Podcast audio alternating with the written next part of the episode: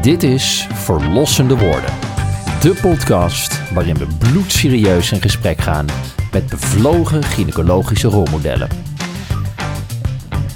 Welkom bij de tweede aflevering van Verlossende Woorden. In deze aflevering gaan wij in gesprek met perinatoloog professor Dr. Mark Spaanderman, die zijn leerstoel obstetrie heeft aan de Universiteit van Maastricht en de Radboud Universiteit in Nijmegen. Met zijn begeleiding hebben inmiddels 27 promovendi hun proefschrift afgerond en zitten er nog 12 in de pijpleiding. Bekende studies waarbij hij als hoofdonderzoeker fungeerde zijn de Apostel 2, Eva Trial, Expect Trial, Queen of Hearts en de Pulse Trial. Inmiddels staat te tellen op 255 publicaties. Mark, welkom in onze podcast Verlossende Woorden. Nou, welkom Mark. Wat superleuk dat je tijd wilde vrijmaken in je volle agenda om met ons in gesprek te gaan over de rode draad in jouw uh, perinatologische carrière, namelijk uh, vasculaire veranderingen in zwangere vrouwen en die van de foetus. Um, kun je ons daar nou eens wat meer over uitleggen? Wat verandert er op cardiovasculair gebied in een zwangere vrouw? Nou, dank in ieder geval voor de uitnodiging. En uh, ik, ik vind het leuk om met jullie te praten daarover. Um, ja, er verandert reusachtig veel. En um, dat maakt het ook zo boeiend om, uh, om in ons vak, zeg maar, bezig te zijn. Um, daar hebben we best heel veel onderzoek naar gedaan om te snappen wat verandert er nu. Dus eigenlijk al vanaf dat ik net uh, AIOS was, ben ik daarmee bezig, samen met uh, natuurlijk een heleboel andere mensen. Mm -hmm. en ja, daar hebben we heel veel proefdieronderzoek voor gedaan om te kijken wat maakt nu dat je verandert als vrouw. Want ja, het is helemaal niet zo. Ja, die symbiotische gedachte die je misschien zou hebben van uh, dat het mooi is om samen te zijn, dat is in de biologie natuurlijk helemaal niet het geval. Je moet als, als foetus onzichtbaar zijn, uh, want anders word je door het immuunsysteem uh, natuurlijk aangevallen en opgeruimd. Dus, dus er gebeurt ontzettend veel in onzichtbaarheid. Mm -hmm. Ik zie het zelf altijd een beetje als dat je. Uh, want eigenlijk die baarmoeder is natuurlijk een, een, een futiel orgaan. Als je denkt aan overleving en dergelijke. Uh, en uh, die baarmoeder krijgt ook bijna niks. Dus als je gaat kijken naar wat krijgt hij nou aan hoeveelheid bloed, is het ongeveer een half procent van je output. Dus dat is, dat, dat is bijna niks. Uh, en als je dan gaat rennen, dan krijgt hij nog minder. Dus het is echt een onbelangrijk orgaan in het kader van overleving. En toch verandert dat reusachtig, want op een gegeven moment moet aan het eind van de zwangerschap de baarmoeder misschien wel bijna 25% van wat je uitpompt ontvangen. En als je daarover nadenkt, wat je daarvoor als vrouw allemaal moet doen in die negen maanden, ja, dat vind ik wel bijzonder intrigerend. Uh, ik zie het zelf altijd een beetje als dat je op enig moment van Maastricht de hoofdstad van Nederland maakt. Hè? Dus dat, dat, dat opeens daar alles heen moet. Daar moet het geld heen, daar moet het transport heen, daar moet, daar moeten dingen groeien. Daar moeten, nou ja, dan, en dan, hoe ga je dat dan doen? Dus dat is een logistieke opgave waarbij je de infrastructuur van Maastricht en alles wat daarheen loopt helemaal moet gaan aanpassen. En dat is wat je eigenlijk doet in die zwangerschap. Um, ja, dat, dat vind ik bijzonder boeiend. Ja. Nou, in de zwangerschap, um, want dan kom ik terug een beetje op je vraag, wat verandert er nou allemaal? Uh, waar het eigenlijk om draait is dat je uh, vaatweerstand daalt. En uh, daar hebben we heel lang naar gezocht. dat hebben we trouwens nog met studenten gedaan in de vorige eeuw. Ehm, maar, maar, wat er, wat er waar we achter kwamen, was dat, je, dat het bijna moet, zo moet zijn dat je ontzettend veel shunt flow gaat krijgen. En dat is waarschijnlijk hormonaal gedreven. Uh, maar dat betekent dat er opeens protectieve shunts, die normaal gesproken je microcirculatie beschermen tegen overbevloeiing. Want als je te veel bloed door je microcirculatie eh, heen stuwt, dan krijg je natuurlijk eudeem en dan loop je vol. Ja. Nou, dat mag niet gebeuren. Maar die protectieve shunts, dat zijn dus eigenlijk arterioveneuze shunts die normaal dicht zitten, uh, die gaan plotseling open. En dat gaat redelijk abrupt. Dus dat is eh, met één week over tijd gaan die shunts open. Die hebben we nooit gezien. Die kan je ook niet zien, want zodra je dus zeg maar uh, ja, uh, in vivo gaat bekijken, en meestal doe je dat dan onder um, histologisch of wat dan ook, dan zijn die shunts natuurlijk dichtgevallen, dus dan zie je ze niet. Maar je kan het wel deduceren dat ze, dat ze open gaan. En um, doordat ze open gaan, krijg je een ontzettende daling in vaatweerstand. Heel lang hebben we gedacht dat dat uh, toename aan compliantie was van het slagadelijke deel. Maar het is eigenlijk gewoon letterlijk daling in weerstand. En die compliantie loopt wel een stukje op, maar kan dat helemaal niet verklaren. En wat zou dat betekenen voor een bloeddruk of voor een hartslag? Nou, precies wat je denkt. Dus, dus dan dreigt de bloeddruk in één keer weg te zakken. En dan zal jouw baroreceptorsysteem direct aan de slag gaan. Dus je hartslag gaat omhoog. Je gaat volume uh, retineren. Er gaat heel veel veranderen om, uh, om die ja, de, uh, dreigende daling zeg maar, in het bloeddruk op te vangen. En eigenlijk hoop je dat die vaatweerstand zodanig weinig daalt dat hij wel dat in gang zet. Dus een hogere output, gelijkblijvende bloeddruk, maar meer bloed. Um, tenzij het heel stressvol wordt. Als het natuurlijk extreem stressvol wordt, ga je tegenwerken. Um, en dan ga je eigenlijk die prikkel van vaatverwijding ga je, tegen. Want anders ga je onderuit natuurlijk. Nou, dat zijn de vrouwen die wij natuurlijk in het ziekenhuis gaan treffen later. Omdat het dus niet adaptief is verlopen. Maar de vrouwen die het wel kunnen, die, uh, ja, die zien we niet. En uh, ja, die krijgen dus een toename in cardiac output, een hemodilutie. Um, als het goed wil, bijna geen daling in bloeddruk. Uh, want op de een of andere manier ben je dus, ondanks al die veranderingen, dat je de hoofdstad zeg maar ergens anders gaat leggen, ben je in staat om op druk te blijven. En die, en die druk met een biologische bril op, zeg je, die druk blijft nagenoeg stabiel. Hij, we hebben daar een meta-analyse op gedaan, zeg maar. En daar zaten ongeveer zo'n 40, 45.000 artikelen in om uit te zoeken, wat doet de druk nu eigenlijk werkelijk? Mm -hmm. ja, hij daalt maximaal 4 mm kwik. Ja, dat is iets wat je op de poli helemaal niet op gaat, gaat, uh, gaat pikken. Nee. Dus er is wel een mid-pregnancy tension drop, mm -hmm. maar niet, niet zichtbaar, denk ik, in de, in de klinische praktijk. Eigenlijk moet je concluderen, de bloeddruk blijft stabiel. Ondanks al die veranderingen. Ja. Nou, en met een week of dertig, dan zie je dat de, de perfusie van die baarmoeder enorm op moet gaan lopen. Omdat dan de behoefte van het kind steeds groter en groter wordt. Ja, en als je dus goed het, uh, het, uh, de hoofdstad hebt verlegd, ja, dan, dan gaat dat zonder problemen. Als dat niet is, dan zie je dan eigenlijk de eerste problemen weer ontstaan. Dus de, de hele vroege maloptieve zwangerschappen, waarbij echt de placenta niet goed aanlegt. Ja, die, die zijn al eerder in de problemen gekomen. Dat zijn echt de hele vroege preeclampsieën met groeivertraging. Of alleen de hele vroege groeivertragers. Um, de late problemen ga je dan daarna zien. Dus als, als de adaptatie onvoldoende is gegaan. Um, Meestal voor een patiënt leg ik het uit van ja, je moet eigenlijk van je viercilinder benzinemotor zo snel mogelijk een zescilinder maken. Als je dat niet doet, dan kan je niet anders dan als het karretje wat het kind is, als die echt heel groot wordt, ja, dan moet je druk op gaan bouwen om de klus te klaren. En dan, ja, dat zien wij terug als hogere bloeddruk. Mm -hmm. um, ja, dan komt, dat, dat wordt dan een laat probleem. Die kan je ook wel uh, eruit halen uh, als je veel dieper gaat kijken naar hoe de bloedsomloop verandert. Um, dan zie je de patronen ontstaan en dan zie je eigenlijk dat voordat de druk verandert, er al lang problemen zijn. Maar goed, bottom line is eigenlijk, krijgt ontzettend veel meer bloed. Uh, ook dat hebben we meta-analytisch uitgezocht. Dat is ongeveer anderhalve liter meer aan plasma. En dan ja, aan bloed is er dus nog veel meer. Uh, je cardiac output gaat zo'n 40% omhoog in rust. Maar doordat je hoeveelheid bloed oploopt, blijf je wel in balans qua reserve. Uh, want de maximale hoeveelheid die je kan uitpompen wordt natuurlijk bepaald door de hoeveelheid bloed. Even ervan uitgaan dat de pomp deugt.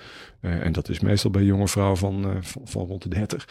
Um, ja, en je ziet je nierfunctie dus versnellen en, en een heleboel andere dingen. Maar dat zijn de grootste dingen die veranderen. Ja. ja. En uh, dat verplaatsen van de, van de hoofdstad naar Maastricht, dat, dat lukt dus niet bij iedere vrouw. Hè? En dat is uh, wanneer we het ziektebeeld preeclampsie kennen, waar je expert op bent. Um, een paar keer heb je al genoemd, immuunsysteem of stressvolle omstandigheden. Um, zou je daar wat uitleg over kunnen geven? Wat is nou de etiologie? Je zei al iets over vroeg en latere preeclampsie. Zou je daar wat meer duiding aan kunnen geven? Ja, de, ja, het is natuurlijk een super complexe interplay. Dus dat, dat uh, alles werkt eigenlijk wel met elkaar samen. Dus het immuunsysteem kan je niet loszien van het regelsysteem. Het regelsysteem kan je niet loszien van wat, wat uh, de performance daadwerkelijk is. Je cardiac output, je weerstand van de vaten. Uh, dat kan je weer niet loszien van hoe goed werkt die nier nu in zijn renale reserve. En dus alles zit wel aan elkaar gekoppeld. Uh, dat maakt ook dat ik altijd vind dat je alles moet weten. Uh, als je het wil snappen. Als je het niet wil snappen, maakt het natuurlijk niet uit. Maar, dan, dan, maar als je echt wil snappen van, maar waarom gaat het mis? Mm -hmm. Of hoe gaat het goed? Mm -hmm. Ja, dan zal je eigenlijk naar alles moeten kijken. Uh, ja, er is wel zeker best veel bekend over uh, hoe het nou kan zijn dat je een preeclampsie krijgt. Je hebt de vroege vorm en bij die vroege vorm waarbij groeivertraging heel erg op de voorgrond staat, uh, uh, heb je eigenlijk dat die placenta matig wordt aangelegd. Uh, ja, de placenta is natuurlijk voorwaarde voor de groei van het kind. Um, wat je heel vroeg in de zwangerschap hebt, is dat de placenta eigenlijk groeit in zuurstofarmte. Ik zie het zelf altijd een beetje als dat je een schip bouwt en je bouwt een schip eerst in een droogdok. Mm -hmm. Dus eerst ligt hij niet in het water. Um, nou, dat is bij die placenta ook. Dus die, die bouw je als het ware droog. De spiraalarteriën zitten dicht. Want OW, als ze open gaan, dan mm -hmm. krijg je al dat die, ja, waarschijnlijk kunnen ze de mechanische druk van, van de bloeddoorstroming niet eens aan. Dus in eerste instantie hoor je een groeigolf te krijgen in zuurstofarmte. Mm -hmm. Daarna gaat die tussen een week of 8 à 12 gaat die placenta langzaam open, wordt die geperfundeerd. En dan krijg je ook dat het immuunsysteem van moeder daadwerkelijk direct in contact is via de intervelleuze ruimte. Mm -hmm. uh, uh, en, en dan krijg je dus een heel ander systeem. Daarbij krijg je ook opeens dat er zuurstofrijkdom ontstaat. Dus dat betekent dat die placenta ook een antioxidatiesysteem moet gaan krijgen. En weet ik veel, dat moet functioneren. Als dat niet functioneert, heb je een probleem. Um, het gekke is dat die hele vroege aanpassingen voorspellen niets over de uitkomst. Pas als die placenta geperfundeerd gaat worden, dan ga je voorspellende dingen zien voor de uitkomst. Mm -hmm. Zowel de groeivertraging als de preeclampsie.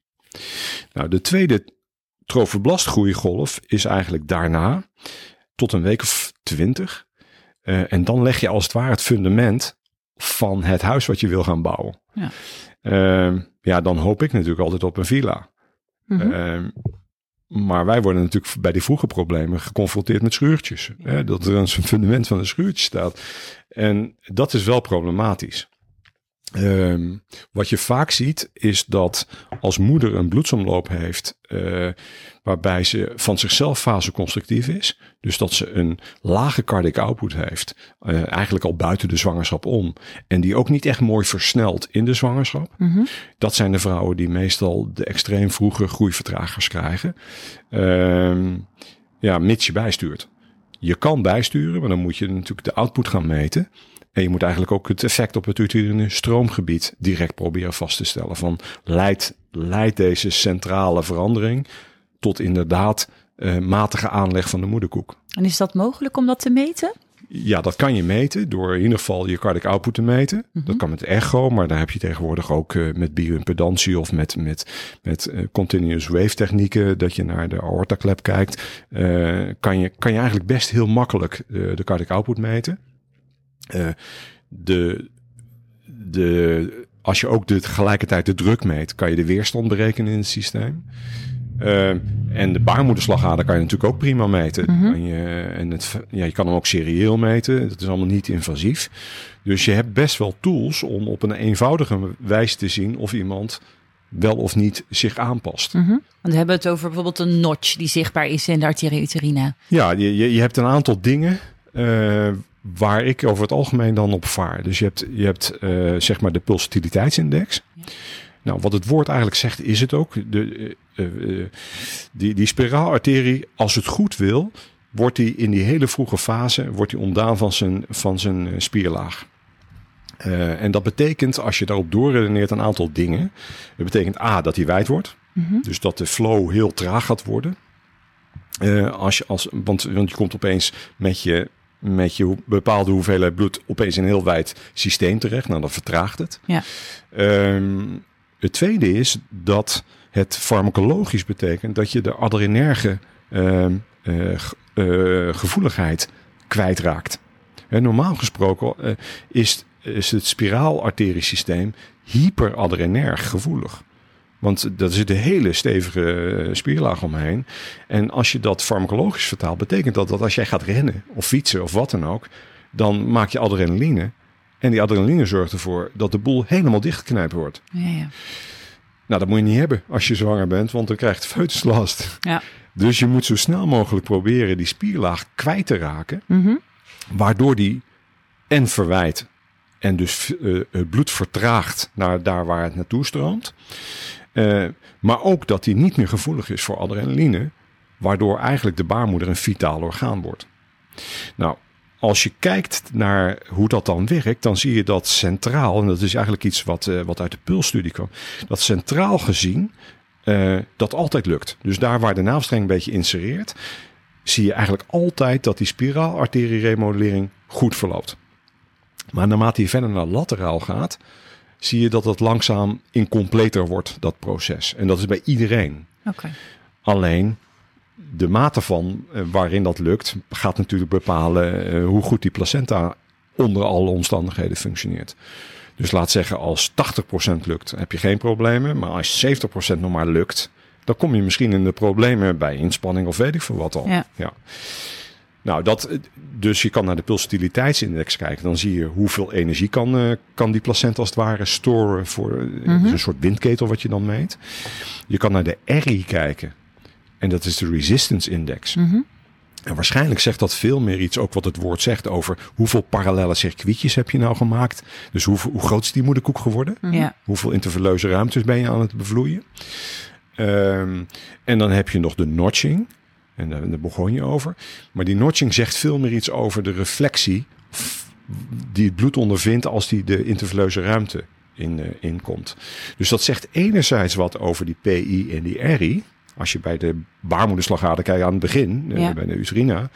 Maar die zegt, dat zegt ook iets over het geweld waarmee het in de, eh, erin stroomt. Dus het zegt ook iets over de hemodynamiek van moeder. Dus Mhm. als moeder, stel je voor dat die placenta super is aangelegd, maar moeder pompt reusachtig veel uit, dan verwacht je ook dat die intervalleuze ruimte natuurlijk, want dan, dan, dan eh, ga je met kracht ga je de placenta in, Ja. dan krijg je een terugslag natuurlijk. Het is net zoiets als ik met de brandslang tegen de muur spuit, dan word ik zelf ook nat. Ja. Nou, en dat zie je terug in die notching. Dus die notching zegt iets over of het gelukt is, Ja. de, de adaptatie, maar ook over hoe moeder functioneert. Ja. En daar kan je op ingrijpen. Dus op het moment dat je weet dat moeder veel te veel uitpompt, dan kan je natuurlijk zeggen, en je ziet een notch, terwijl de PI en de RI nog normaal zijn, dan kan je dan al besluiten, oké, maar dan moet de moeder een beetje afremmen, want ze beschadigt op deze manier haar eigen moederkoek. Ja. En hoe zou dat kunnen, het afremmen van de moeder? Nou, op het moment dat je ziet dat moeder veel te veel uitpompt, dan kan je bijvoorbeeld een beta-blokker overwegen. Ja. En dan rem je, de, eh, rem je haar een beetje af. Ehm, en eh, wat je dan ziet is vaak dat de notch gewoon verdwijnt. ehm, met behoud van druk. Want wat je eigenlijk doet is dat je de hoofdbestanddelen die de bloeddruk bepaalt. eh, en dat is cardiac output en weerstand. Dat je daarop stuurt. Dus met een beta-blokker, als je een zuivere beta-blokker zou gebruiken, vertraag je de hartslag. Ja. Daarmee laag, eh, verlaag je de cardiac output een beetje. Ehm, dat betekent dat, eh, en de, vaak gaat de weerstand ook een klein beetje naar beneden, want de nier heeft ook beta-receptoren, die, die de renineproductie aanstuurt, zeg maar. Ehm, maar wat je dan ziet is dat de cardiac output wat zakt, dat eh, de weerstand vaak ook een klein beetje zakt. Eh, maar dat overal de weerstand go- goed blijft dan. En doe je dat in praktijk ook, die labetalol of beta-blokker, eh, op basis van je echo-bevindingen eh, dus aan moeder voorschrijven? Ja, dat is wat we. Kijk, op enig moment. eh, en dan eh, hebben we het over, zeg maar. eh, eh, de eerste decade van, eh, van deze eeuw. Toen zagen we toch langzaam terug dat we het niet beter deden. Dus, dus eh, eh, we zagen heel veel mensen preconceptioneel. En als je dan ging tellen wat nou de herhaalkans op preeclampsie was, dan bleef je de hele tijd op hetzelfde getal hangen. Ehm, de, de kindsuitkomsten die eh, leken wel een klein beetje beter te worden. Ehm, maar dat was niet aan de gynaecoloog. Dat was omdat de kinderartsen beter werden. Hm. Ehm, dus dat maakte wel dat je dacht, ja, moeten we niet beter en slimmer gaan nadenken? Want de huidige interventiestrategieën met aspirine en kalk, want dat adviseerden wij toen wel altijd, ja, die lijken gewoon toch onvoldoende effect te hebben. Mhm. Nou, heel lang over nagedacht van wat kan je nou het beste doen om bij te sturen. En biologisch verwachtte je eigenlijk dat eh, als je de antihypertensiva niet zou benoemen en betitelen als antihypertensivum, maar veel meer als circulatiemodulator. En dat is het eigenlijk farmacologisch. Het bijeffect is bij hypertensieve mensen dat de druk daalt. Maar wat je verwacht bij normotensieve mensen is dat de druk helemaal niet verandert, want je sleutelt aan de hemodynamiek. Ja. Nou, als je dat dan heel persoonlijk maakt, Mhm. dus zij die te hard gaan, laat zeggen de Max Verstappers, die moet je afremmen. Eh, maar zij die te traag gaan, moet je Mhm. wat sneller laten gaan. Ehm, dan maak je die behandeling heel persoonlijk en dan verwacht je eigenlijk dat je de circulatie ondersteunt in het stabiel houden van de druk. Ja. Nou, en dat hebben we op een moment dachten van ja, dat, dat moeten we dan gewoon maar eens doorvoeren. Want we zagen iedere keer, eh, waren we aan het meten dat het misliep. En dan liet je het maar gewoon gebeuren. Maar langzaam wordt dat wel frustrerend. Vooral ook omdat ja, je weet dat je, dat je dat paar en het kind eigenlijk schade berokkent dan. Ehm, dus daar zijn we, hebben we het protocol op aangepast en zijn gaan sturen erop. Ja. En eh, dat hebben we wel super close gemonitord. Want, Mhm. want ja, je wilt eigenlijk niet dat, eh, dat je iemand in de problemen brengt. Waar de angst groot voor was, was dat, eh, dat we een prijs zouden betalen op het kindsgewicht. Ehm, eh, nou, daar hebben we bovenop gezeten. En wat we zagen was dat de kans op preeclampsie met dat beleid bij mensen dus at risk, die al een keer eerder een probleem hadden gehad, dat je dat kon halveren. Dat je de kans op helpsyndroom 90% kon terugbrengen. En dat je de kans op groeivertraging 25% zag teruglopen. Ja. Dus je betaalde geen prijs voor het kind ook. Terwijl moeder aanzienlijk beter af was. En wie is dan je patiëntenpopulatie? Zijn dat mensen met preeclampsie in de voorgeschiedenis, in de familie? Of, eh, want in principe moeten ze wel een indicatie hebben eh, om bij jou denk ik op spreekuur te komen. Ja, in essentie zijn het eh selecteer, op, selecteer je op de vasculair bedreigde. En dat is een breed begrip. Mhm. En het liefst zou ik dat, zou ik die ook het liefst willen zien gewoon. Dus alle vasculair bedreigden, dat je die van tevoren ziet. Hm. Want wat we ook hebben gedaan natuurlijk is gekeken naar van, maar wat zijn nou voorspellende factoren? Mhm. Ja, en dat waren allemaal modelleerbare factoren bijna. En natuurlijk, sommige dingen kan je niet modelleren. Als jij zelf te klein geboren bent en je moeder had preeclampsie, ja, dat is een gegeven. Dat is gebeurd. Ja. Ehm, maar wat je wel kan modelleren is als je een dyslipidemie hebt of hypertensie of, of, of een neiging tot hypertensie waarvoor wij het plasmavolume vaak meten. Of dat je een nierfunctieprobleem hebt of als je diabetes hebt. Of, dus, en wat, je, wat we zagen was, we konden met het onderzoek wat wij doorgaans deden preconceptioneel niet goed terugkijken. Eh, of eh, verklaren waarom het gebeurd was. Maar wat we wel heel goed konden was voorspellen wie het risk was. Mhm. Nou, en dat zijn eigenlijk, als je dan gaat kijken, gewoon traditionele cardiovasculaire risicofactoren. Ja. Dus die bleven bovendrijven naast de wat nieuwere hemodynamische factoren.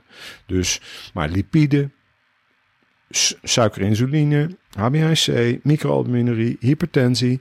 ehm, dat waren de factoren, zeg maar, naast plasmavolume, vaatweerstand. En dat zijn wat meer nieuwere factoren. Ja. Ehm, nou, en doordat je dat dus kan modelleren, hebben we ook wel heel veel studies gedaan naar hoe kan je dat het beste doen.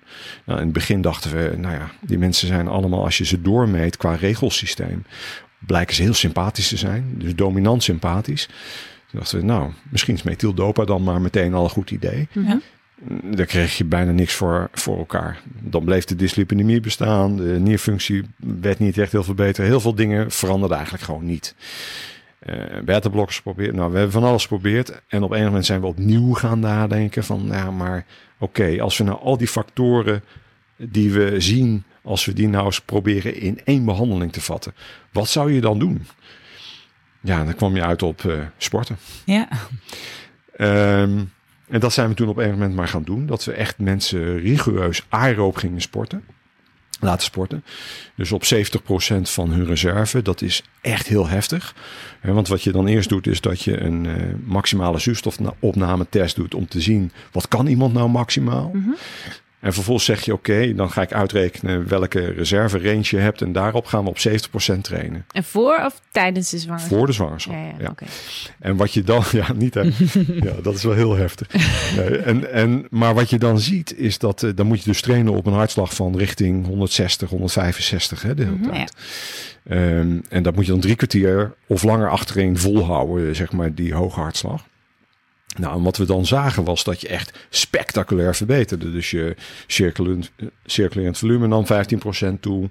Je insulineresistentie verdween. Je lipiden werden normaal. eh, Je gewicht hoefde niet eens normaal te worden. Eh, De bloeddruk doorgaans zakte die net een paar millimeter kwik, maar niet heel reusachtig veel. Ehm, maar al met al, als je dat dan daarna weer in een kansmodel gooide, ja, dan zag je een spectaculaire verbetering op eh recidiefkans eh, Nou, die studie, zeg maar, dat we daadwerkelijk de interventie hebben gedaan en, en gekeken van wat wordt dan de uitkomst, dat hebben we nog niet gedaan. Mhm. Dat je dan best heel veel vrouwen moet trainen. Mhm. Ehm, moet eigenlijk wel een keer eigenlijk nog gebeuren, zou je zeggen. Van, ja. Ja. Want dat Heeft is ook te andere belangrijk. gezondheidsvoordelen, zou ik zeggen. Precies, ja, ook waarschijnlijk op de lange termijn. ja. Ehm, maar eigenlijk leek gewoon sporten de slimste interventie te Ja. zijn voor, voor van alles en nog wat. Mhm. Tragiek was wel, want wat we zagen was dat eh, we hebben ook een controlegroep toen getraind. Ehm, nou, de bankzittende vrouwen die een probleemloze zwangerschap hadden gehad, waren conditioneel net zo goed als Ja, ja. de ehm, ja, als de slanke vrouwen die, die, die eh, drie maanden snot voor de ogen hadden getraind na een preeclampsie. Ja. Dus je, eigenlijk wat je bereikt als je, als je dat hebt gehad, is dat je dan net het niveau haalt van iemand die fluitend die zwangerschap heeft Ja. gedaan. Ja. ja, en nou, dat maakt ook dat je beseft van, hé, hey, maar deze vrouwen waar wij mee te maken hebben in het ziekenhuis, die zijn buitengewoon. En ehm, waarom noem ik dat? Ehm, op een gegeven moment dacht ik, hoe kan ik nou die vrouwen het makkelijkst herkennen? En toen dacht ik, ja, en hoe kan ik zorgen dat ze niet ziek worden? Nou, dan moet je pre- preventief gaan denken. Mhm. Dus dan moet je om gaan denken naar wat wij nu doen. Ja. En in Nederland zijn we extreem reactief. Dus we we hebben onze verloskundige zorg helemaal reactief ingericht. En we vinden eigenlijk ook dat dat goed is. Ehm, want eh, daar hebben we lijsten voor. We, we werken in lijnen. Mhm. Eh, en we willen eigenlijk ook het liefst geen medicatie geven, want eh, dat is eigenlijk niet oké. En dat zit redelijk diep in ons denken. Ja. Ehm, ja, en dat maakt dat je dat eh, preventief handelen moeilijk wordt. Want eigenlijk wat je doet is dat, dat vrouwen die gecrashed zijn, dan pas ga je wat doen. Ze komen met een preeclampsie en dan pas zeggen we, aha, preeclampsie. Ja. Of ze komen met een groeivertraging, dan zeggen we, aha, groeivertraging. Ja, dat is eigenlijk damage control wat je dan nog doet. Ja. Ja, dat is best wel schrijnend. Want dan, ja, al, al, al- als je maar de DOAD-theorie pakt, dan hebben ze eigenlijk al verpest voor de toekomst, de kinderen. Ja. Dat, is wel tragisch, vind ik. Ja. Dus toen ben ik heel diep gaan nadenken. Ik denk, ja, ehm, eigenlijk wil ik veel beter weten wat normaal is dan. Mhm. Want als dat mijn vertrekpunt wordt, dan zie ik misschien als iemand buiten normaal wordt, Mhm. eh, ja, dat ik op moet gaan letten. Dat wil hem niet zeggen dat ik wat moet doen, Mhm. maar dan ga ik het in ieder geval leren herkennen. Ja. Dus wat we toen hebben gedaan is gezegd: oké, als we willen weten wat dan normaal is en waar normaal ophoudt, ehm, dan moeten we fysiologische me- eh, meta-analyses gaan maken. Dus we moeten gewoon alle data die er voorhanden zijn in de wereld, met betrekking tot HB, Mhm. of nierfunctie, of bloeddruk, of hartslag, of you name it, laten we die nou eens tegen het licht houden. En hoe veranderen die dan fysiologisch tijdens de zwangerschap? Nou, en dan opeens zie je alleen al op bloeddruk iets fascinerends ontstaan. Want dan zie je opeens, hé, hey, een normale bloeddruk loopt 95% van de gezonde vrouwen zit onder de 130 bovendruk en eh, onder de 80 onderdruk. Ja. Eigenlijk hebben ze 110, 60 als norm. Mhm. Ehm, nou, wij noemen het eigenlijk pas dat wij zeggen eh, volgens de richtlijn we moeten behandelen bij 170, 110. Mhm. Nou, een redelijk gat, zeg maar, waar je het dan over hebt. Waarin je eigenlijk zegt, ja, hier ben je buitengewoon. Ja. Ehm, nou, en dat kan je dus voor een heel veel dingen doen. En dat kan je dus ook al buiten de zwangerschap doen. Ja. Nou, als je dan biologisch doorredeneert, dan zie je opeens patronen ontstaan van vrouwen die buiten de norm vallen. Ja. En het helpt. Eh, in het begin maakte ik de fout om, om te zeggen: dit is de norm, dus dat is normaal. Ja. Want dan krijg je normaal en het tegengestelde is abnormaal. Ja. Maar als je zegt: ik noem het gewoon, dan krijg je dat iets buitengewoon wordt. Ja, ja, ja. Maar dat eh, helpt in je denken. Want Ja. als iemand buitengewoon is, dan eh, weet je ook dan kan iemand iets heel goed. Maar dan kan iemand ook iets helemaal niet zo goed. Ja. Ja. En dat helpt, helpt echt in je denken. Want dan zie je ook dat iemand waarschijnlijk buitengewone kwaliteiten heeft. Die haar zomaar kunnen helpen om, om, om bepaald soort dingen te bereiken of wat dan ook. Maar die als de omstandigheden daar niet bij passen. Dat je Ja. nadeel hebt van je buitengewoon zijn. eh, leiden tot de problemen die wij dan zien Ja. dan voelt het ook minder eh, negatief. Want heel veel vrouwen die eh, hebben een reusachtig schuldgevoel nadien. Hè? En eh, die vinden dat ze gefaald hebben in Mhm. het voorzien van hun kindje. Ja. En het goed, goed. Ja, dat is best wel een heftige gedachte als je daarover nadenkt. Ja, dat doet ook wat met je dan. Ja, Als, zeker. als vrouw, maar ook als hulpverlener. Als Ja. je dat iedere keer maar voorbij ziet trekken.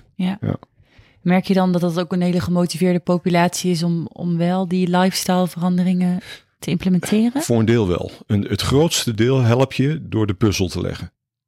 En eh, door het ook, vind ik, positief te benaderen. Ja. Dus dat, dat eh, normaal abnormaal helpt niet. Gewoon buitengewoon helpt. Ja. En, en ehm, eh, door, door aan te geven waar iemands kracht zit, maar ook iemands zwakte, Mhm. maakt ook dat iemand veel gemotiveerder is om er dan wat aan te doen. Ja. En eh, ja, ik heb wel het gevoel dat mensen veel meer hun best gaan doen, omdat ze zien waarin ze anders zijn. Ja. Wat niet helpt is dat je tegen iemand zegt, kijk, een groot deel van de vrouwen die een preeclampsie krijgt, is natuurlijk een beetje te zwaar. Het helpt niet om te zeggen, je moet afvallen. Nee. Want dan, eh, ja, wij kennen net zoveel vrouwen, of misschien nog wel veel meer, die hetzelfde bouw hebben, Mhm. weet ik wat, en die geen problemen Nee. krijgen.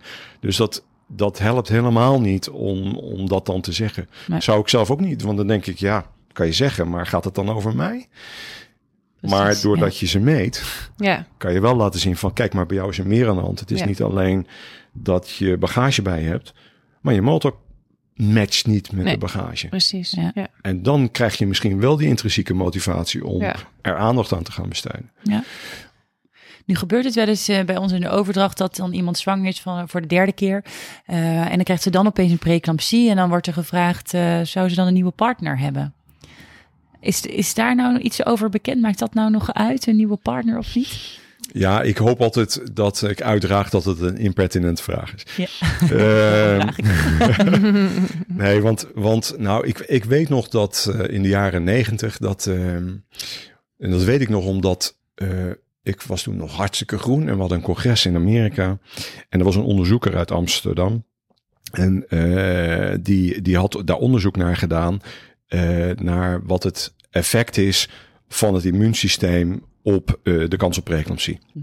En wat ze gevonden hadden was dat als je eh, drie maanden ehm, onbeschermde ehm, seks met elkaar had en je werd dan in die drie maanden zwanger, dat de kans op preeclampsie groter was dan als je twaalf maanden eh, onbeschermd exposure had gehad aan het semen van de man. Oké. Ehm, natuurlijk hadden ze ook nog andere dingen gevraagd. Eh, en dat ha- haalde het publiek, eh, de, de journalisten natuurlijk. Ze hadden gevraagd naar orale seks en weet ik veel wat. En dat was allemaal natuurlijk eh, hot and happening. eh, want ja, op vliegveld stonden de reporters al de onderzoeker op te wachten. Nou ja. En eh, om daar allerlei interviews over te doen. Nou, toen, toen is een beetje die gedachte ontstaan van oké, dat immuunsysteem is blijkbaar belangrijk om tolerant, tolerantie te bouwen. Ehm, en eh, daar zal waarschijnlijk dan de oorsprong liggen van de slechte adaptatie van die placenta, enzovoort, enzovoort. We weten namelijk dat in die hypoxische fase, waar we het in het begin over hadden, dat, dat natural killer cellen heel belangrijk zijn om de trofoblast-invasie te reguleren. Eh, ja, en men dacht, ja, daar zal het wel allemaal zo in elkaar gelinkt zijn. Eh, en dat daar een soort immuuntolerantie ontstaat of wat dan ook. Ehm, eh, nou, daar werd- dat werd eigenlijk best wel omarmd, ook door veel onderzoekers. En ehm, op enig moment is er een groep geweest in Noorwegen.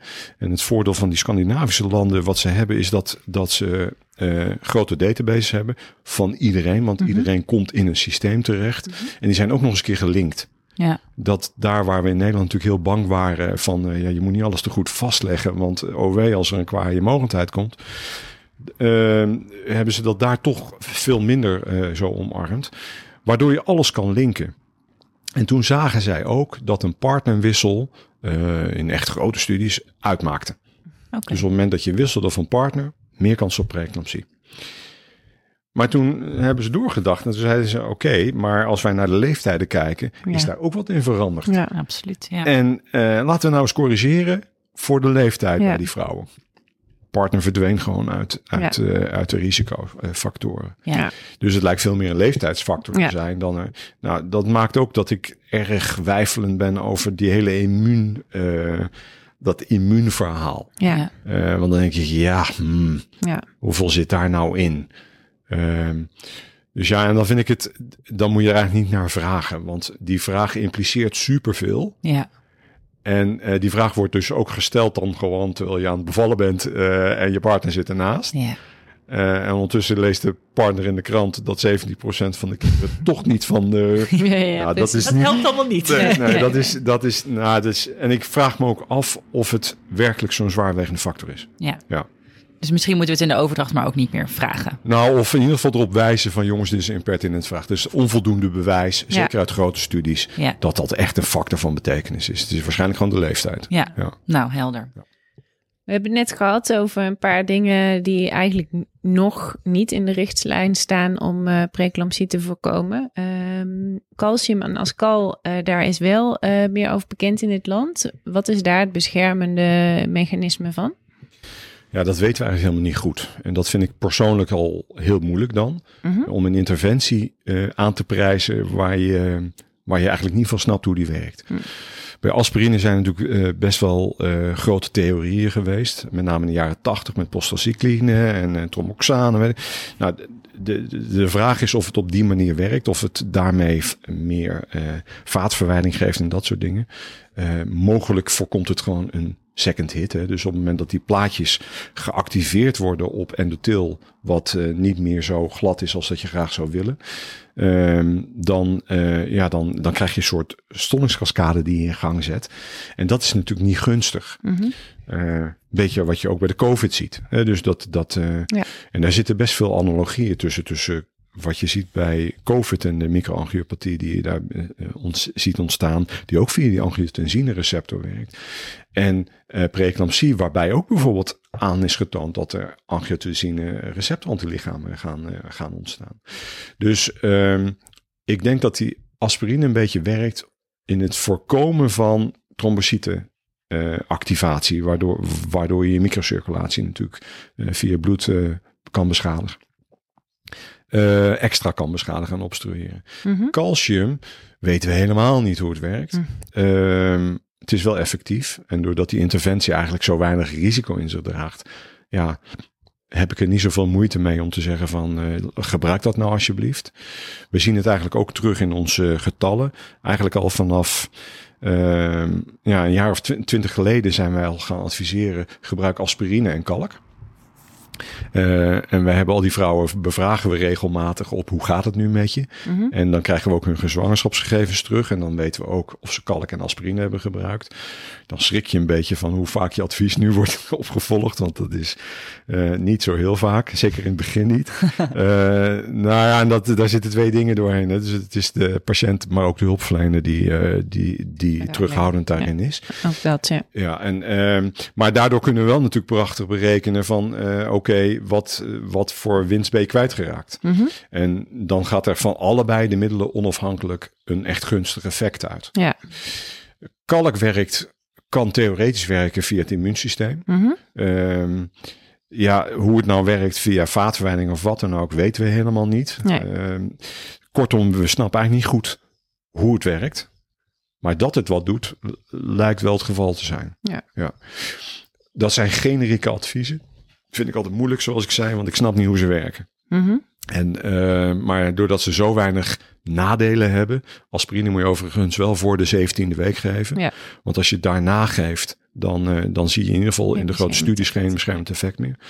Ehm, ja, dan, dan is het niet zo heel erg. We hebben dat getoetst ook, eh, aspirine en kalk binnen de verloskundige professionals. Zowel eerste lijn als tweede lijn. Van, Mhm. hey, vinden jullie dat een interventie die, eh, die wel heel erg eh, heftig is, een preventieve interventie? En dat werd wel omarmd als preventieve interventie. Mhm. Ehm, Werd niet als heftig ervaren. Nee, werd niet als heftig ervaren. Ehm, Wat fijn was, want daardoor konden we wel een stap gaan maken naar preventie. Ja. Uh, en veel minder naar reactiviteit. En ook dus voor een populatie mensen die gewoon überhaupt voor de eerste keer zwanger is. Ja.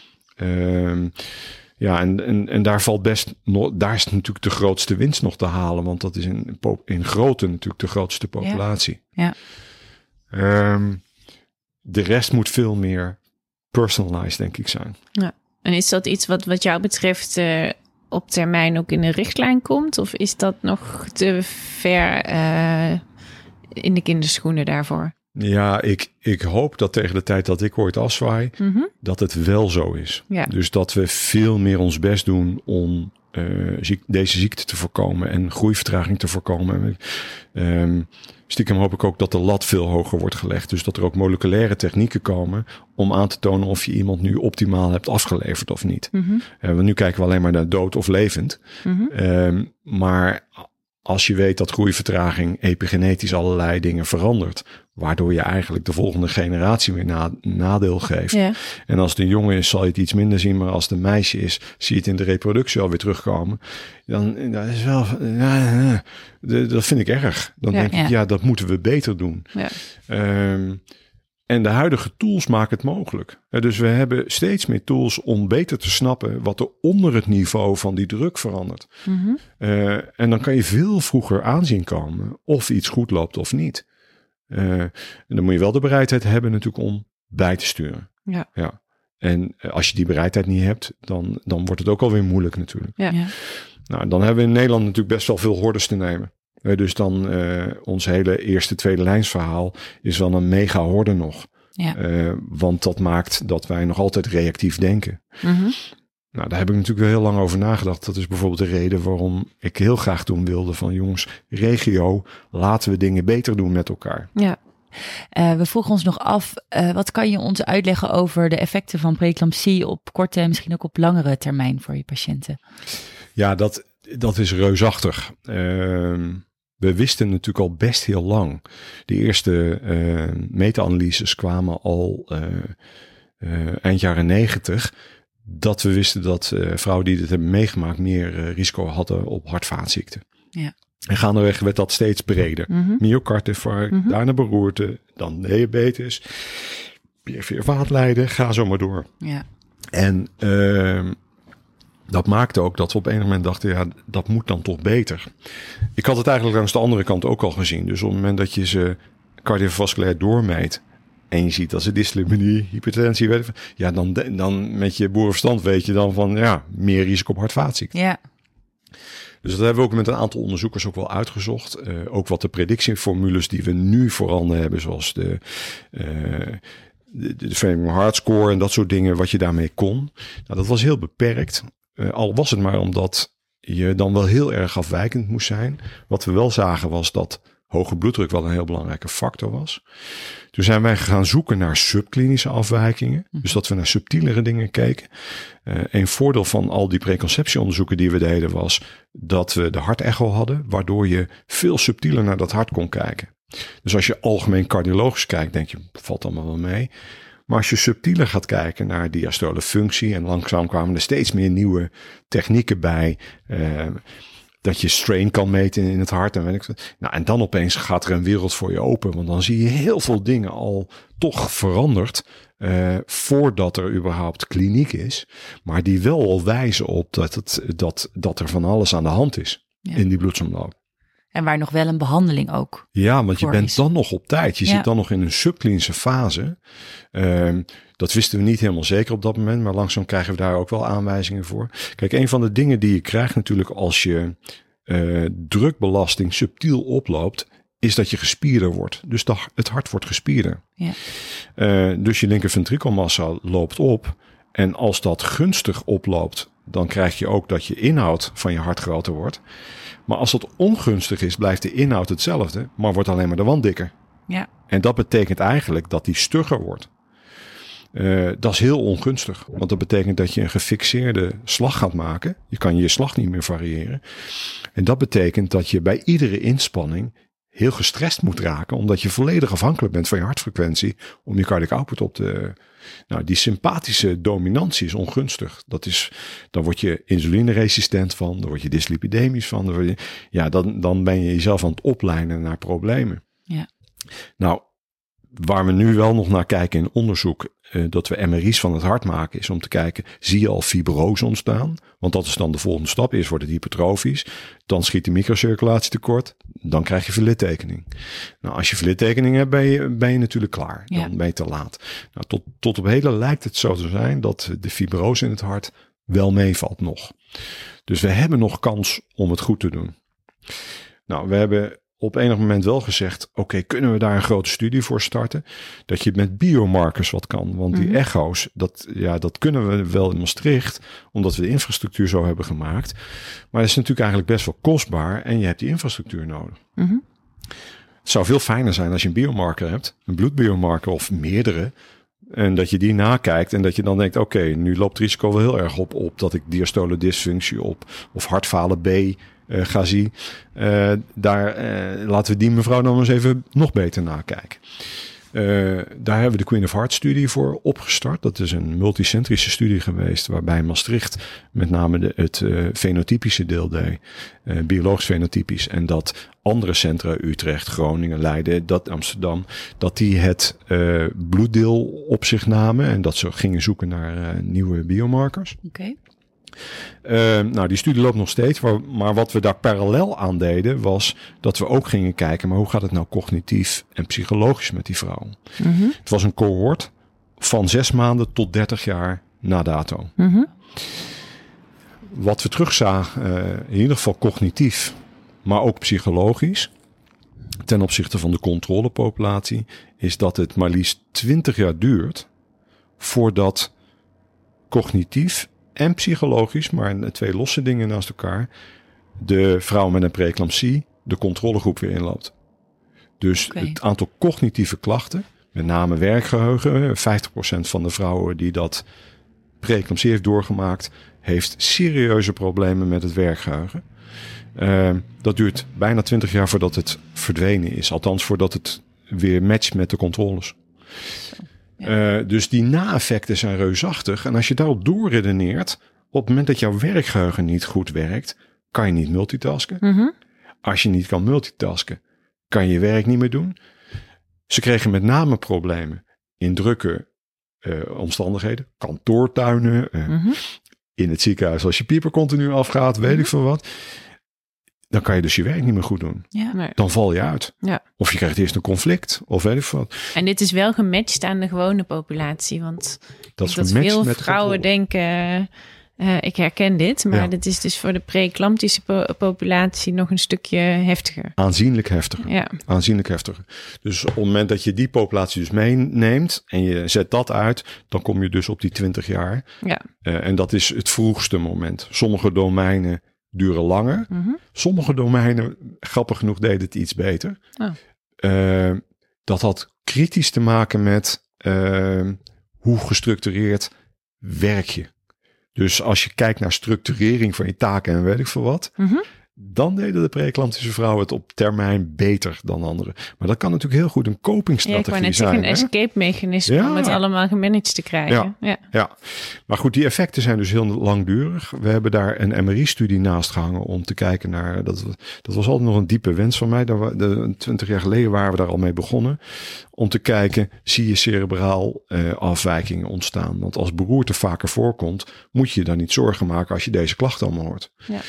Ehm, dus we hebben functioneel gekeken. En we hebben met name ingezoomd op die gebieden waarvan je dacht, maar daar moet het zitten. Ja. Dus op het moment dat je psychologische problemen ziet, zit je, dan zit je veel meer te denken aan het limbisch systeem, en de hippocampus, de ehm, amygdala en dergelijke. Daar zit emotie en, en, en, en de regulatie van geheugen naar, naar emotie. Ehm, als je gaat kijken naar de prefrontale cortex, daar zit met name het werkgeheugen. En wat we zagen was precies datgene waar we bang voor waren. Daar zaten ook de verschillen. Dus functioneel zag je dat het werkgeheugen anders was ten opzichte van vrouwen functioneerde ten opzichte van vrouwen die het allemaal niet hadden gehad. En dat ook de amygdala en, en de hippocampale regio, dat die anders functioneerde. Dat Ja. er andere connecties waren, andere ander eh, gebruik van het netwerk daar, het neurale netwerk. Ehm, en tegelijkertijd, waar we ook naar hebben gekeken, is met een hoge resolutie methode om te kijken, is de bloed-hersenbarrière niet lekker? Mhm. Uh, en uh, zo'n tien jaar na dato zagen we ook inderdaad dat bij vrouwen die ogenschijnlijk gezond zijn, dat de lekkage zesvoudig was over het hele brein ten opzichte van vrouwen die het allemaal niet hadden gehad. Zo. Ja.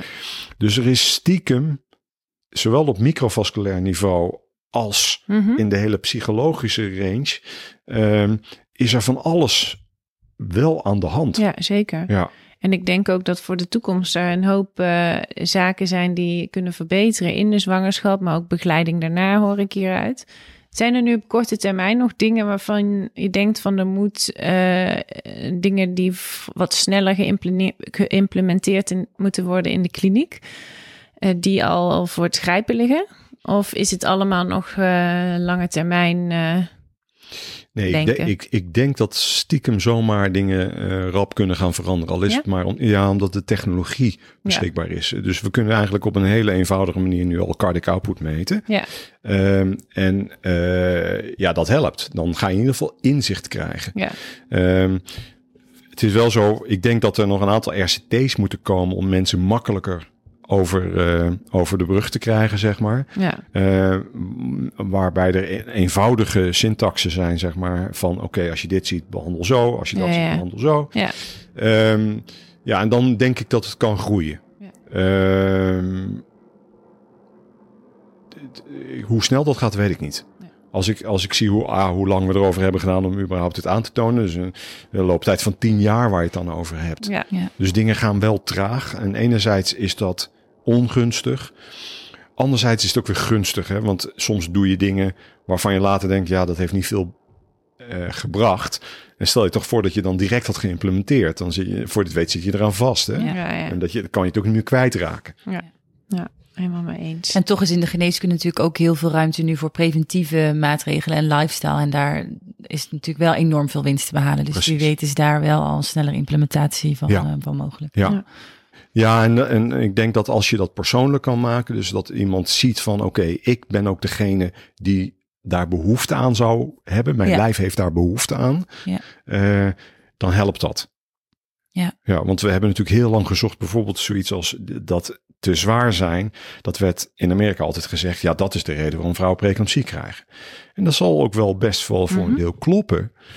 Maar in mijn beleving heb je ook healthy obese eh, vrouwen. Want op het moment dat je dus probleemloos zwanger bent geweest en Ja, je bent ja. obese, dan ben je blijkbaar zodanig intern gezond dat je dat allemaal trekt. Ja, Dus daar hebben we ook lang naar gezocht. Uh, een van de promovendi die, die daar nog, die dat nu af gaat ronden, die ziet dat ook. Dus dat, dat vrouwen die probleemloos zwanger zijn geweest, maar obese zijn, dat die net zo vaak metabol syndroom hebben als groep, als vrouwen die slank zijn en preeclampsie hebben gehad. Ja, maar op dit gebied, hè, op andere gebieden zullen er vast nog wel gezondheidsnadelen zijn. Ja, je, je belast je systeem Ja. natuurlijk. Maar, ja, ja, maar, maar op dit gebied, ik denk dat er wel zeker een groep is die healthy obese is. Moet je niet alleen naar lipide kijken, je moet dan wel naar het hele plaatje kijken. ja. Dus ook hoe groot de motor is en weet ik veel wat. Maar ja, dat, eh, maar het helpt wel als je weet dat je buitengewoon bent. Ja. Ja. En dan helpt het ook als je omarmt dat je, dat je, ja, dat je, dat je als je buitengewoon bent, dat je moet zorgen dat de omstandigheden voor jou dan ook passen. ja. Ja. Nou, ik denk dat dit een hele mooie les is. Ehm, de vrouwen zijn buitengewoon en er is eh, nog heel veel eh, eh, uit te zoeken en te verbeteren. Ehm, en het is geweldig om, eh, om van je te horen en eh, ik denk heel motiverend om te bedenken dat wij als zorgverleners breder moeten nadenken over de patiënt en misschien ook meer patiëntgericht. Ehm, dus ehm, ehm, nou, genoeg stof tot nadenken en voor, eh, voor verbetering. We zijn ook wel heel erg benieuwd naar niet alleen de perinatoloog eh, Mark Spaneman, maar ook eh, de persoon Mark Spaneman. Eh, zou je kunnen vertellen eh, misschien waar je bent opgegroeid? Maar ik ben opgegroeid. Ik ben Ja. eh, opgegroeid in op twee plaatsen. Eerst, eh, de- nou eigenlijk ben ik door de bank genomen ben opgegroeid in West-Brabant, in Bergen Zoom. Ehm, en eh, dus ja, ik voel me toch het meest een Brabander, ook al zou je het aan de buitenkant niet zeggen. Die Brabanders onder elkaar. Ja, ja, precies. Ja, nee, dus ik hou van kromme wegen en, eh, En gezelligheid. ja, precies. En je opleiding, waar heb je die gedaan? Daarna ben ik naar Utrecht gegaan. Dus ik ben, uh, ik ben in Utrecht geneeskunde gaan studeren. En uh, ik ben opgeleid in Maastricht. Oké. Okay. En daar heb ik ook het promotieonderzoek gedaan. Ja. En ben je dan al snel bevlogen geraakt uh, voor de obstetrie in, binnen je opleiding? Nee, verre van dat. Oké. Okay. Ja, nee, nee, nee, Dus, dus, dus nou, jullie kennen me natuurlijk een beetje, maar ik hou helemaal niet van, uh, van uh, verrassingen. alleen als ze leuk zijn en zelfs dan vind ik het moeilijk om er... Maar uh, nee, en de verloskunde is bij uitstek iets wat, uh, waar ontzettend veel onzekerheden zijn. Kijk, op het moment dat je alleen al bevallen, uh, als je 108% van de uitgang bent, dat vind ik een vervelend construct, zeg maar, om mee te werken. Ja. en verantwoordelijk voor te voelen dan. nee, dus ik hou heel veel meer van voorspelbare dingen. Ik ben nooit geneeskunde gaan doen om de verloskunde in te gaan. Mm. Ik dacht, ik wilde altijd psychiater worden. Ja. Dus een heel ander, ja, en daarna naar de neurologie en toen de neurochirurgie en toen, uh, ja, toen dacht ik, moet misschien toch maar internist worden en uh, ja, en uiteindelijk eindig je in de verloskunde. Ja, maar misschien eindig je toch met een predictiemodel voor de preeclampsie en uh, maak je op die manier het toch een beetje voorspelbaarder. Je bent in ieder geval op zoek naar het voorspelbare Precies. van de preeclampsie. Precies. Ja. Um, en het lijkt alsof je gedurende heel je carrière eigenlijk nieuwsgierig blijft. Of nieuwe dingen wil weten, meer wil weten, meer wil ontdekken. Hoe, hoe doe je dat? Hoe blijf je jezelf zo prikkelen en uitdagen gedurende je carrière? Um, nou, allereerst de patiënten natuurlijk. Dat, dat, die komen met vragen waarvan ik dan denk, ja, ik heb het antwoord niet. Maar ik vind wel dat ik het antwoord moet hebben. Ja. Um, dus dat helpt. Um, ik vind uh, de studenten hartstikke leuk.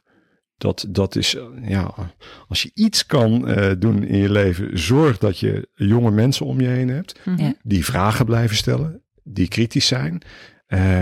Ervaar dat dan niet als vervelend, maar ervaar dat als ontzettend fijn. Ja. Uh, dus die uh, verwondering zoeken, dat, dat zit wel diep in me. Dat, dat ik me overal over verwonder en verbaas. En dat ik het dan uh, me afvraag waarom dat dan is. En, uh, en ik denk dat dat ontzettend helpt ook. Dat je niet zomaar ook in de dienst in een val trapt. Hè. Je vraagt je altijd af, waarom komt deze mevrouw nu op dit moment bij ons? Ja. En als ze weeën heeft, ook dan, waarom heeft ze dan nu weeën?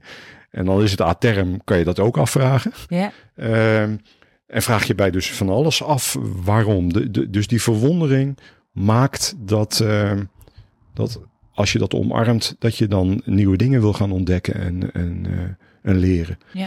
ja, dat zit, ja, misschien is dat toch ook karakter. Ja, en die verwondering zit dat, uh, herken je dat ook in je privéleven? Vraag je je ook af hoe de kraan werkt en de wasmachine en zo? Ja, ja? ja, Oh, ja, ja. ja. Ik vraag me af hoe alles werkt, en, uh, maar ook hoe, uh, waarom de dingen gaan zoals ze gaan. Ja. En wat mijn invloed daarop is. Ja. Trek het wel meestal naar mezelf. Dus ik, dus um, dat, dat is een tweede les, vind ik, dat als je me zou vragen van ja, wat moet je vooral doen? Um, leg, zoek dingen in jezelf. Ja. Het antwoord zit in jou, niet in een ander. Ja. En um, dat maakt ook dat je er aan kan sturen, zeg maar. Ja. Een ander kan je toch niet veranderen. Dat moet je ook misschien helemaal niet willen. Je moet jezelf veranderen. Ja. En uh, nou, dat, dat helpt. Ja. En dan helpt het ook om gewoon continu, uh, misschien af en toe ook gewoon kil te analyseren. Ook naar jezelf toe. Wat doe ik goed? Wat kan er beter? Waarom is het gelopen zoals het gelopen is? Wat was mijn rol daar dan in? En had ik dat anders kunnen doen?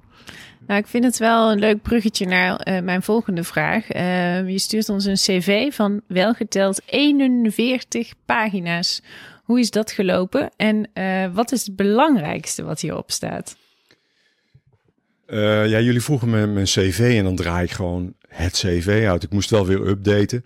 uh, en ik ben weer heel veel dingen ben ik uh, vergeten daarin te vermelden. Maar een cv zegt meer iets over wat je professioneel hebt gedaan, zeg Ja. maar. Uh, en als je het mij echt vraagt, uh, staat er in dat cv niks belangrijks waar ik trots op ben, zeg maar. De, uh, waar ik trots op ben, staat er juist niet in. Waar ik trots op ben, is uh, dat ik het belangrijk vind dat ik het verschil kan maken op individueel niveau.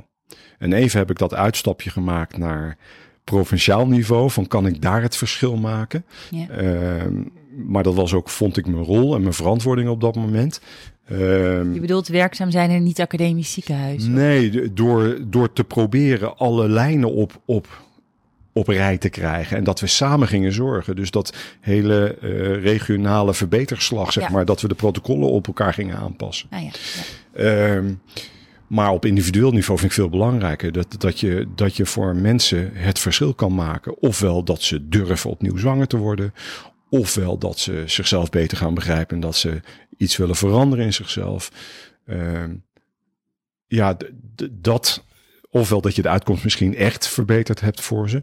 Ehm, en dat, maar het geldt ook voor de studenten. Dat, dat, dat als die stage komen lopen, dat het zomaar kan zijn dat jij, eh, zonder dat je het weet misschien, ehm, net dat verschil hebt gemaakt. Waardoor ze opeens wisten wat ze moesten kiezen.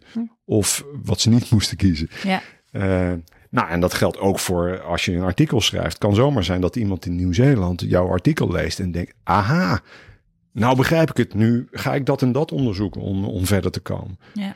Nou ja, dus de, nou, en dat is eigenlijk wat, wat er allemaal niet staat in dat cv, maar wat ik eigenlijk belangrijkst vind. De ongestelde vragen. We gaan eh, door naar het volgende onderdeel. Eh, dat zijn een aantal korte vragen. ehm, en die noemen wij de ongestelde vragen. Eh, daar komt ie. Maastricht of Nijmegen? Maastricht en Nijmegen. Dat is makkelijk. Dat zijn Ja, dat is- eigenlijk de spelregels eigenlijk, Mark. Maar goed. Nee, maar ik, maar ik meen oprecht dat het, dat, eh, het niet of zou moeten zijn. Want dat, dat, dat is denk ik voor beide huizen verlies. Zeg Ja. maar. ja. Ehm, we hebben veel gesproken over eigenlijk heel veel vasculaire eh, eh, veranderingen. Toch ben je obstetricus. Ehm, had, je- is het niet beter dat je cardioloog was geworden... of toch gewoon liever obstetricus zoals het nu is? Dat is een makkelijke vraag. nee, dan, nee, liever obstetricus. Maar ik vind wel dat ik... ehm, ik heb wel het gevoel dat ik optimaal gebruik heb kunnen maken van dat ik alles leuk vind. En ehm, als je zou moeten kiezen, ben je, is het dan wetenschapper of klinicus? Ja, allebei ook weer. Want ik zou het verschrikkelijk vinden als ik niet mag nadenken over hoe het nou werkt. Ja. Ik denk dat 80% past natuurlijk binnen, binnen gewone paden, zeg maar. Maar die 80% vind ik niet, daar gaat mijn hart niet sneller van kloppen. Van die 20% die, ja, die niet het normale doet. Ja. Waarom dan? Ja. Ja, dus, dus ja. Nee, dus het, het, de integratie van klinicus en onderzoeker is wel heel erg Ja, belangrijk voor dat mij. is wie je bent. Ja. Hey, een dokter of steward in een vliegtuig? Eh, Op dit moment zou ik liever dokter maar maar eh, ja, jullie doelen natuurlijk op dat jullie zagen in mijn cv dat ik ooit bij de KLM heb gewerkt. En eh, nou, dat was een hele, eh, toch wel belangrijke fase dan in je leven. Ik was toen, eh, liep mijn studie uit en was op weg naar mijn kooschappen. En toen heb ik een jaar gevlogen bij de KLM. En dat was eigenlijk achteraf zijn eh, de, de kennis die je met zo'n groot bedrijf dan, naast dat je gewoon de wereld verkent gratis, ehm, maar de kennis die je opdoet van zo'n groot bedrijf, hoe dat dan draait, stiekem heb ik dat ontzettend kunnen gebruiken later in snappen waar moet je op letten, wat vinden mensen nou belangrijk en wat vinden mensen niet belangrijk. Ja. Ehm, hoe voorkom je conflicten met, eh, met patiënten dan? Daar waren passagiers. Ehm, hoe denk je als bedrijf in wat je allemaal moet kunnen en niet? Eh, want ja, het KLM had tien soorten vliegtuigen, toch vloog je er maar op drie. Dat is wat wij natuurlijk in de praktijk in ons ziekenhuis zien. Hè? De- Ja. Je kan niet alle verpleegkundigen op alle afdelingen zetten. Net zoals Ja. dat we de dokters niet op alle afdelingen kunnen zetten. Beperk dan hun, eh, hun range van wat ze allemaal moeten kunnen blind. Ja. Dus stu Stuart, nu niet meer. Nee. Quick for. Daar komen we aan bij onze laatste categorie. Dat zijn eh, vier vragen die stellen we aan, eh, aan iedere persoon die we vragen voor deze podcast, de Quick Four. Ehm, en de eerste daarvan is, wat is je grote passie buiten het ziekenhuis? Ehm, ja, ik vind het heel leuk om ehm, te klussen, te creëren, dingen bouwen.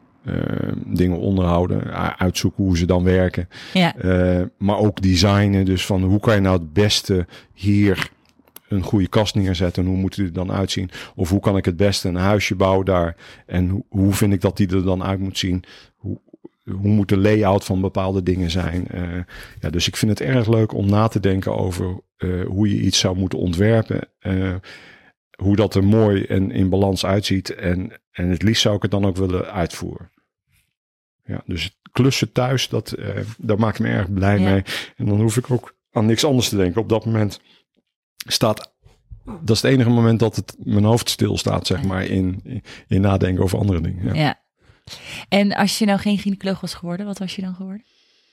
Ja, dan denk ik dat ik meer in eh, industrieel design of, of dat soort dingen, of architect of Ja. eh, muzikant eh, had ik ook denk ik wel leuk gevonden.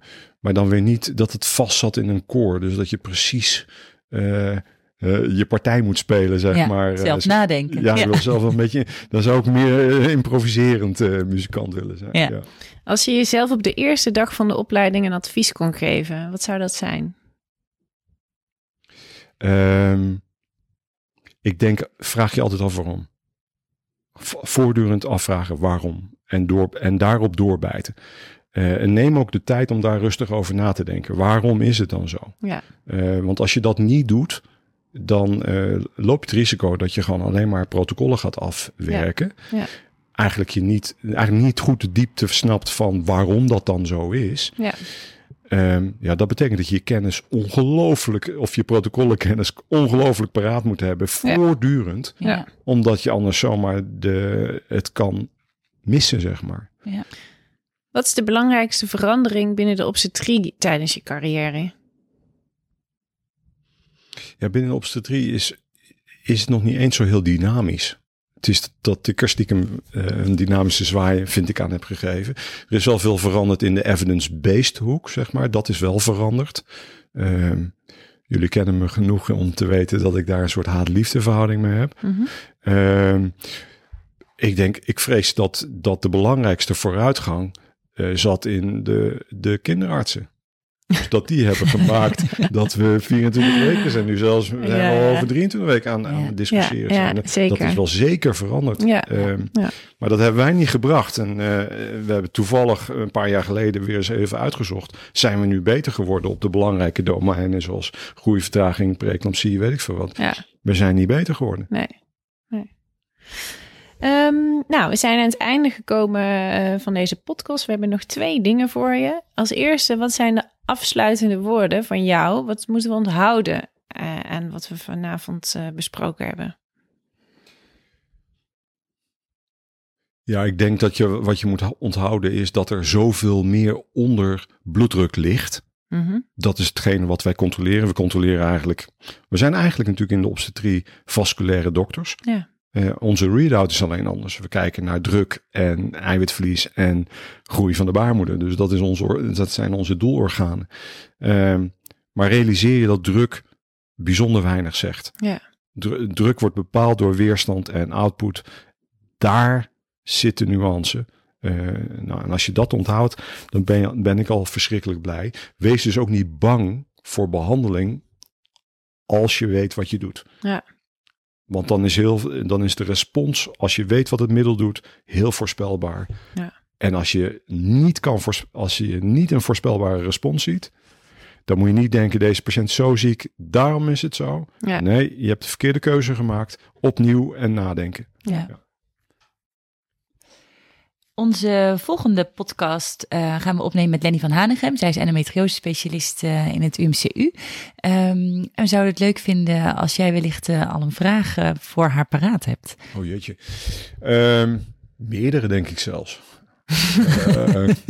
Nou, ik zou heel graag willen weten of zij denkt dat over twintig jaar ehm, er nog een hele grote plaats voor eh, chirurgie is binnen de endometriose eh, behandeling. Ja, Of dat het niet langzaam heel erg medicamenteus is geworden. Waarvan je op theoretische gronden zou verwachten dat dat wel een ontwikkeling zou moeten kunnen doormaken. Ehm, wat ik eigenlijk ook belangrijk vind, maar dat is meer vanuit het vak. eh Lenny zit meer in de algemene gyn natuurlijk, in de algemene gynaecologie. Ehm, hoe zij denkt hoe we dat beter moeten gaan doen. De, want langzaam zijn we de algemene gien een beetje kwijtgeraakt. In mijn gevoel, in ieder geval in de academie. Mhm. Ehm, en dat zie ik met ledenogen toe, want ik denk dat dat een slechte ontwikkeling is. Wij Ja. zouden weer, het zou weer terug moeten in ook de academie, daarmee ook veel meer prominent in de opleiding, ook in de tweede lijnshuizen. Dat zou ik fijn vinden, dat, dat, eh, dat het weer een integraal deel van het vak zou worden. En als we dat kwijtraken, wat zij denkt dat de consequenties dan zijn. En, en of dat een goede ontwikkeling is of, of niet. Ja. Dus eigenlijk twee vragen. Eén meer organisatorisch. Ja. Ja. En Nou. de andere meer. We spelen hem door. Dat gaan we met haar Ik ben, bespreken. ik ben heel benieuwd wat ze erop beantwoorden Het valt te beluisteren in onze volgende podcast. Hartstikke goed. Eh, Mark, bedankt voor echt een eh, buitengewoon eh, in- informatief gesprek. Het was eh, heel leuk om je bevlogenheid eh, zo van zo dichtbij te mogen zien. eh, en eh, heel fijn dat je je kennis met ons hebt willen delen. Ik denk dat ehm, dit ons en onze luisteraars echt eh, de boost geeft om ons te blijven verwonderen en te blijven vragen waarom. Dank je wel. Graag. Dankjewel. Dit was Verlossende Woorden.